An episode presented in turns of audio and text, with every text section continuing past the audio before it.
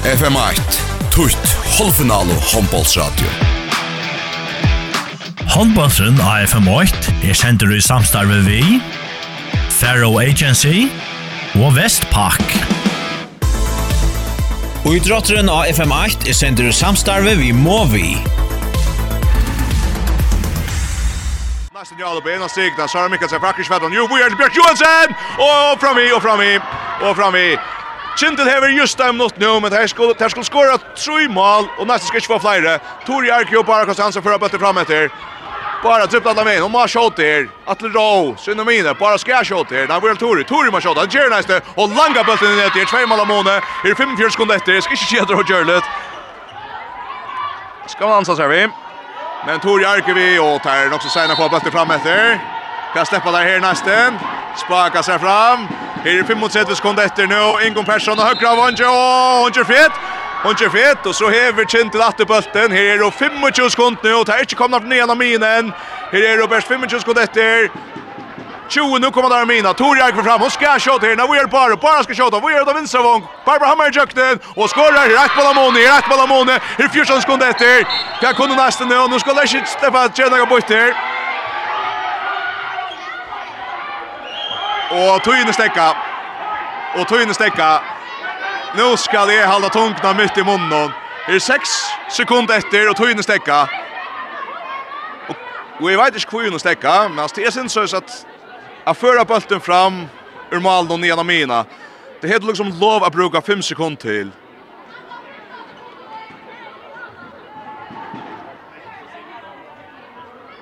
Og så vi tog en stekka vi 6 sekunder etter. Jeg vet ikke hvordan jeg tog det, Jack. Altså derfor er enda... Næste fyrir jeg gjør bølten opp nå, så hadde 6 sekunder etter.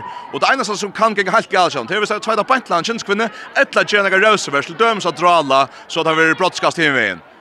Det er... Oi... 6 sekunder etter, Nästen är åtta vi är någon 4-2-3-2. Där har haft den där disten i potten och nu han har gått löte men nu låter Lucas Kindle få två shotmål. Och nu skulle ansats här här. 6 sekunder efter. Allt annat än att risa risa nästa misstag. Förder nästan till Sigurds. Och det är rätt öl checkar domar på. Det är när vi kostar tur rätt allt och vi måste bara börja vi vet att kvart till Sia. Kvart Sia domar ner.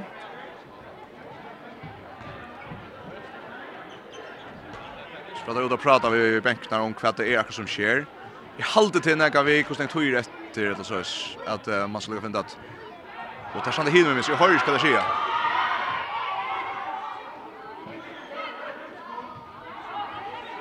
Här för ett sekund att sätta att in. Här är 5 sekunder efter bara. Nästan här på att Maria Nonsson tripplar mot sin första läggare så är Nadjo Nadjo tripplar fram efter och man har högra vånk och ett av motiverat här ingår i jöknen Rebecca Bjarkar. men det är bara pint tvei skott etter, eller väl? Ja, tog då inne fjärren. Höjre Becka Bjarkar åter en Risa Bjarking. Røyna senda bollen fram etter, men distan er ja. Og enda så får ju tror ju det blir något mer väl mer dramatiskt dessa sista sekunderna, dessa sista sekunderna där 80 av er jag vill säga. Nästan eh vara åtta alla sidan hållag.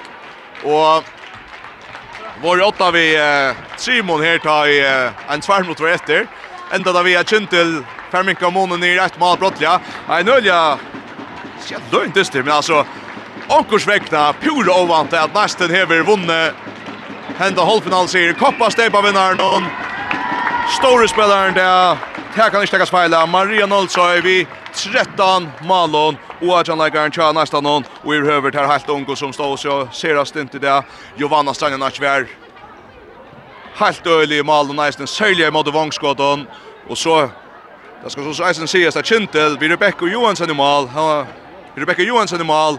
Tär Stås ju inte att han för helt där Rebecca Johansson vi flyger flyger Störbjärg och kör just till att det blir kanske näka mål för att akor 4-2-3-2 till nästan nästan har vi vunnit första FM halvfinalerna ända jag synte löje här vi är när Det har problem med tøyene så framveis, ta igjen 5 sekunder steg i og Kindle hei finner minka nir i ett mål av måne, men nesten hei just no mitje han hade hålla till att det skulle etnast 24-23 nästan har vunnit vi har ehm Här helt Von Brottnar här på en till bara Crosstie Hansen som kom till mikrofonen bara. Vi pratar vi vikskiftet och tar väl en väl bättre nu kan jag attla hur för tankar sida det vi nu att han tittar tappt där först då FM halvfinalen i mot nästa Nej alltså vi visste att det var en trubbeldyster det kan säga inte ringde inte ringde få armarna ner men jag vet jag har alltid att att att det var sen drinkt att spela det um, Johanna Elisabeth på att och nick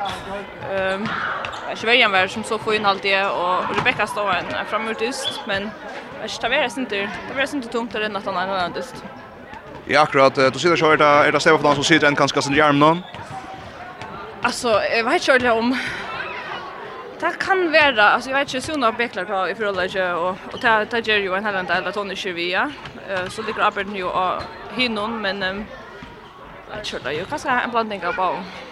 Nu är det gamla nu på inte 18 distin, men till två så en möjlighet att det är sonnundagen långt och vonar till att om jag känner till till till till finna fram till också annat där tycker tycker rätta spelande skill kan mena. Ja, absolut. Alltså vi skulle kanske läsa centrum på vi vi kände ju Anne. Ehm så bara skora mål. Det hade vi bränna en 20 chanser där så så får vi hålla målchanserna så ska det nog enka också. Ja, det är en god skrift i alla fall och Tack för att prata vid så just det list att det till den livfärdar som den ser jag så bara cross där Hansen. 24 tror jag vinner nästan igen. Så det är så mest chans till att ändå blir sån löje men vi behöver en ulla över det här nästan är åtta för det mesta. Alla sätten hålla och något så grätta åtta. Det blir sån spännande så springer höj. Hur hur känns det här nu?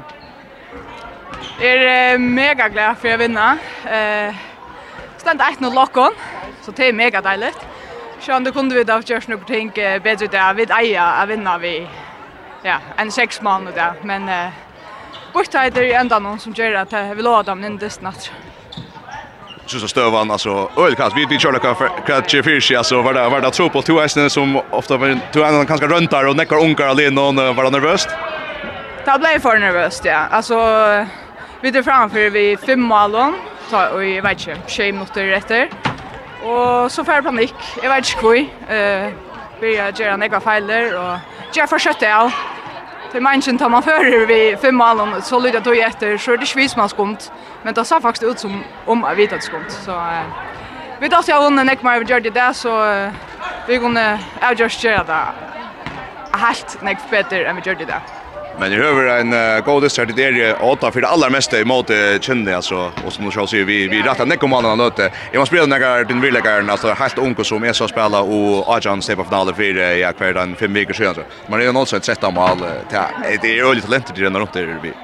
Alltså och framåt det går så säkert alltså det är pura vilt alltså att det är yngste leikaren til okkon er det her som trakka mest i karakteren, så någon viktigaste er ekstremt imponerande och där bor bara från gåon till det nästa negre arna. Vi fjör, tas hade vi hoa sig till Stjolo FN-finalen från Kinle för att det gett att nu. Det är så jävla vid dig gärna. Pura bara Det är lucka sig någon och vi tror att det är söndag nu läst.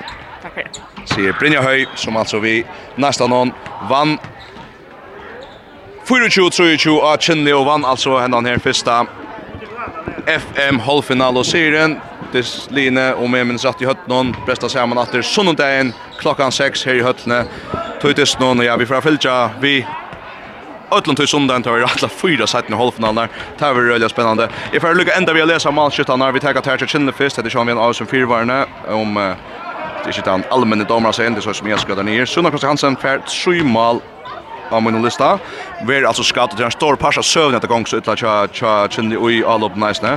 Kjenni Bjørs Krosta i ett mål. Det var en stor parsa at hon og hine vinstvengen hadde øyla troplagar vi vi Jovano i malen og tja tja næsta noen.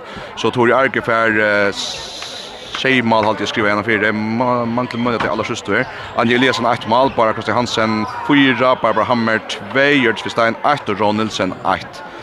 Det er Nøgelunda Kinsmanne, og så har vi skraset Mario Nolsøy, Mario Nolsøy for 13 mann. Ja, det må for stemma. Og Nadja Pevic 2 mån, Bjørk Johansen 3, Fridal Jakobsen standa 4 her alltid, og Sara Mikkelsen till några lånta ödla för dem kommer ut vi satte igång fyra Malvärner på om vägen var helt fram i Rebecca Johansson och Chinsman och Johanna Sanna Spirvan Chinsmalvi och i nästa mål står så ser väl och Maria Nölsøy vi en branteste i allop någon och tar vi väl går berge Malon brottskaston och inte minst ett ändå inspel någon Nästen teker första stitch i FM halvfinalen